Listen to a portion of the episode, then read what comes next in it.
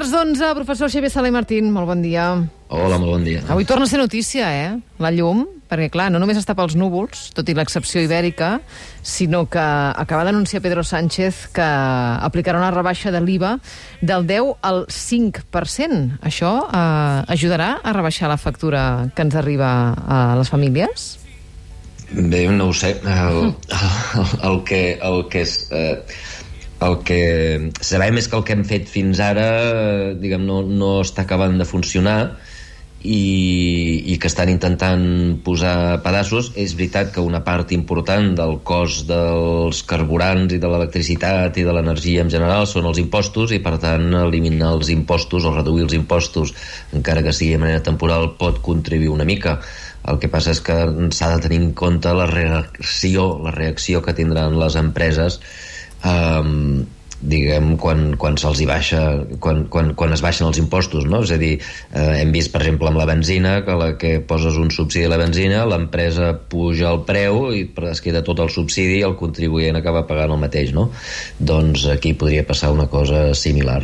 Clar, però, però és que el, el, segurament els consumidors no, no entenguin res, perquè eh, vam estar setmanes pendents d'aquesta excepció ibèrica per posar un topall sí. al preu del gas, eh, quan finalment ho autoritza Brussel·les, ho autoritza el eh, Consell de Ministres, entra en vigor i continua pujant el preu de la llum. Per què passa? Sí, a veure, eh, eh per entendre això cal eh, entendre, ja sé que és, serà, és molt complicat, eh? és molt complicat, però mm. que cal recordar com es crea, com es fa, el, com s'arriba al preu de la llum. Eh? Uh, D'entrada recordeu que hi ha dos preus de la llum hi ha els que tenen tarifa plana que això no els hi afecta i després hi ha els que tenen la tarifa variable cada dia doncs, el preu de l'oferta i la demanda val? Sí. estem parlant d'aquest segon Uh, doncs bé, imaginem, eh, posem un exemple, imaginem que es necessiten 1.000 unitats de llum, quilowatts de no sé què, no? 1.000, necessitem 1.000 avui, eh? I, i aleshores el que fan és que, clar, l'electricitat es pot fer de moltes maneres. Hi ha empreses que fan servir el, el sol, hi ha empreses que fan servir el vent, empreses que fan servir els pantans, nuclears, eh, gas, eh, carbó, etc. I el cost de produir cada una d'aquestes coses és diferent. Eh, és molt més barat produir eòlica que, que gas, és molt més eh, barat produir nuclear que solar, etc etc. no? Doncs a veure, imaginem, hem d'aconseguir 1.000 unitats d'electricitat, perquè si no aconseguim 1.000 unitats d'electricitat hi haurà gent que apretarà l'interruptor i no li apareixerà la llum, oi sí, que sí? sí. Eh, per tant, cada dia s'ha de, de fer que l'oferta d'electricitat sigui igual a la demanda d'aquell dia. Vale? Doncs bé, avui necessitarem 1.000 unitats. Llavors, s'aixequen els de l'eòlica i diu, mira, jo em puc produir 100 i el meu cost és de 10 euros, per exemple, no? 10 euros per cada unitat, i em puc fer 100. Els de la solar diuen, mira, jo també puc fer 100, i el meu cost és una mica més alt, és 20, 20 euros.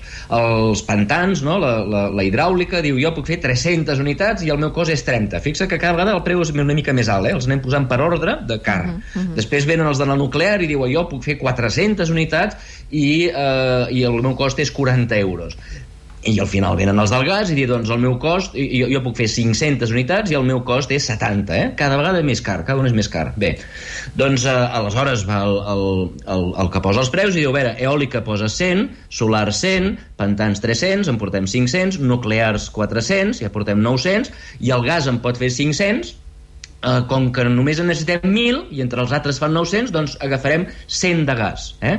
Llavors, aquesta, aquesta, l'últim, l'última empresa d'aquesta curva, l'última empresa que, que es necessita, que en aquest cas és el gas, eh, recordeu que el gas ha oferit eh, eh, vendre a 70 euros, doncs aquest és, aquesta és s'anomena l'empresa marginal, i per això aquest sistema s'anomena marginalista, perquè s'agafa l'empresa que està al marge. Eh? Totes les més barates es, es fan servir, fem servir la 100 de l'eòlica, la 100 de la solar, 300 dels pantans, 400 nuclears, i com que en falten 100 del gas, doncs en lloc de 500 que un oferireu, doncs vosaltres només n'oferireu, eh, ens en donareu 100, necessitarem, només necessitarem 100 dels vostres 500, vale? Mm. Aquesta és l'empresa marginal.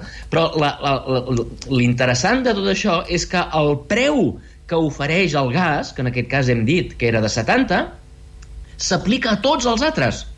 És a dir, que els de l'eòlica que estaven disposats a vendre a 10 euros cobraran 70. Els de la solar que estaven disposats a vendre a 20 euros també cobren 70. Els pantans que estaven oferint a 30 també cobraran 70. Tots cobren 70.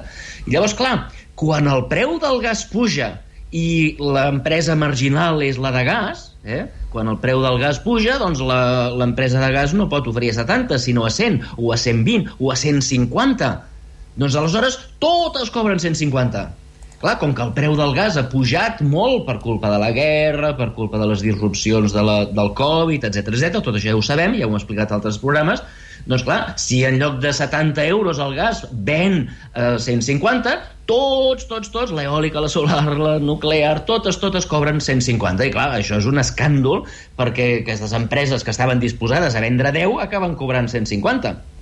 I llavors, aquí ve el govern i diu, escolteu, eh, com que això és un escàndol, el que farem serà capar el preu del gas. Eh? Sigui quin sigui el cost del gas, recordeu, eh, en lloc de cobrar 70, 100, 150, 200, no? el gas només podrà pagar, només el pagarem a 40. I aleshores, quan l'empresa marginal, que és la que determina el preu de totes les altres, acaba sent el gas, totes cobraran 40. I això és el que s'anomena l'excepció ibèrica. Eh? Aquest, és, aquest és el truco de l'almendruco que ha fet servir el govern per baixar-nos el preu. Quin és el problema? que la Unió Europea diu, a veure, en un mercat eh, competitiu com el que tenim a Europa, no pots robar el, els calés de les empreses. Si a l'empresa que fa servir gas per fer electricitat el gas li ha pujat el cost, doncs és normal que pugui repercutir el cost. Eh? Com que el preu, li, el gas li ha pujat, doncs ells han de vendre el gas més car i si tu l'obligues a vendre barat, doncs l'obligaràs a tenir pèrdues i això no pot ser. Per tant, per tant, el que heu de fer el govern d'Espanya és compensar a les elèctriques, compensar a les empreses de gas i si el seu cost realment és de 150 euros, a vosaltres li podeu cobrar 40 en els consumidors. Però aleshores li heu de compensar a les empreses les pèrdues que tenen. Ja. És a dir, que acabareu pagant Ostres. 150 igualment. Clar. Eh? El truco per això és que fixa't que les empreses eòliques, les solars, totes aquestes que eh, volien vendre 10 i volien vendre 20 i volien vendre 30 i acabaven venent a 150 perquè el gas estava a 150, si tu capes el gas a 40, elles només cobraran 40. És a dir, que d'alguna manera sí que aconseguim que tots aquests calés que s'emportaven les eòliques, les solars, les nuclears, totes aquestes, tots aquest diferencial que s'emportaven, perquè ells cobraven a 150 si el gas estava a 150. Uh, doncs tot això ens ho estalviem. Però què passa? Que el, per les empreses de gas, per les empreses de gas, hem de comptar el preu de, diguem, el cost dels 40 aquests, però a sobre hem de, hem de tenir en compte que a través dels impostos els hi pagarem el que s'anomena el, el diferencial, no? el, el, la diferència de, del preu de veritat en el preu que el govern els obliga a pagar, els, els obliga a, a cobrar. Aquesta diferència l'acaben cobrant igualment. I aleshores, clar, el consumidor hem de calcular el preu que paga no és el preu, els 40 només, eh? si no seria molt fàcil. El problema és que han de pagar els 40 i a sobre les compensacions. I les compensacions, doncs clar, depenen del preu de mercat del gas, recordes la diferència Sí. entre el cost de veritat i els 40 euros aquests que, que el govern els, hi- els, els, els hi paga, doncs aquesta diferència l'hem de pagar els contribuents. I per tant s'ha de pagar, s'ha de, de comptar com a preu de gas. Encara que no ens ho pasin a la factura, és, és un preu que acabarem pagant a través dels impostos o a través d'algun altre tipus de cosa. I, I aleshores, quan es calculen les dues coses, eh, quan es calcula el preu de veritat més la compensació, doncs resulta que, eh, resulta que el preu no ha baixat. Ja. Clar. I, i, I la proposta d'Unides Podem de crear un impost eh, precisament sobre els beneficis, això hi tornem, eh, també és un d'aquells temes recurrents, un impost sobre els beneficis de les empreses elèctriques. És una proposta d'Unides sí. Podem. Això, això mm, seria efectiu? De, de fet, d'alguna manera és el que hem fet. Perquè te recordes que t'he dit que la, les empreses eòliques, eh, les empreses eòliques que en una situació de, sense intervenció de l'Estat hagués cobrat a 150, el mateix que el gas, ara només cobrarà 40. Eh? Recorda, totes les les altres energies, l'eòlica, la solar, la hidràulica, les nuclears, totes aquestes que acaben pagant lo mateix, acaben cobrant, perdona, el mateix que el gas, clar, quan el gas es dispara, elles, els seus beneficis es disparen. Si capem el preu del gas, aleshores a, a 40, aleshores aquesta gent només cobrarà 40 els solars només cobraran 40, l'eòlica només cobrarà 40, perquè per, eh, cada vegada que l'empresa marginal, eh, la que determina el preu, és la del gas, doncs només cobraran 40 en lloc de cobrar els 150 i per tant d'alguna manera sí que els hi estàs fotent els beneficis. Tot el que haguessin cobrat la diferència entre 40 i 150 eh, doncs eh, tot això ho deixen de cobrar i per tant d'alguna manera és com si els hi traiessis dels beneficis. D'alguna manera ja és això. El problema és que, eh, diguem, extreure'ls i els beneficis a l'empresa ja veiem que no és el que ha funcionat. A veure, és, cal, val a dir que el, el sistema no ha funcionat durant aquesta setmana i escaig que ha estat en funcionament, però que és possible que a la llarga acabi funcionant. El problema que ha tingut aquesta setmana, segons el propi govern, és que ha fet molta calor eh, i uh -huh. han, han hagut de fer servir molt més gas eh? perquè hem fet servir l'aire condicionat i a sobre hi ha hagut problemes amb algunes nuclears que no han pogut produir energia i a sobre no ha fet vent i per tant hem hagut de fer molt, servir molt, molt, molt, molt de gas eh, aquesta setmana. I clar, la compensació, que la compensació aquesta que només s'aplica per les empreses de gas, ha hagut de ser molt gran, molt gran, molt gran, i per tant no, no ha acabat eh, sortint a compte. Però hi haurà un dia, diuen, que no farà tanta calor, que les nuclears tornaran a funcionar, etc etc i per tant el preu baixarà. El que passa que ja sabem que quan passi això doncs diran que ve el fred i quan fem el fred servir la calefacció etc etc i per tant trobaran altres excuses si la cosa acaba no funcionant. Normalment els invents d'aquest tipus no funcionen. Eh?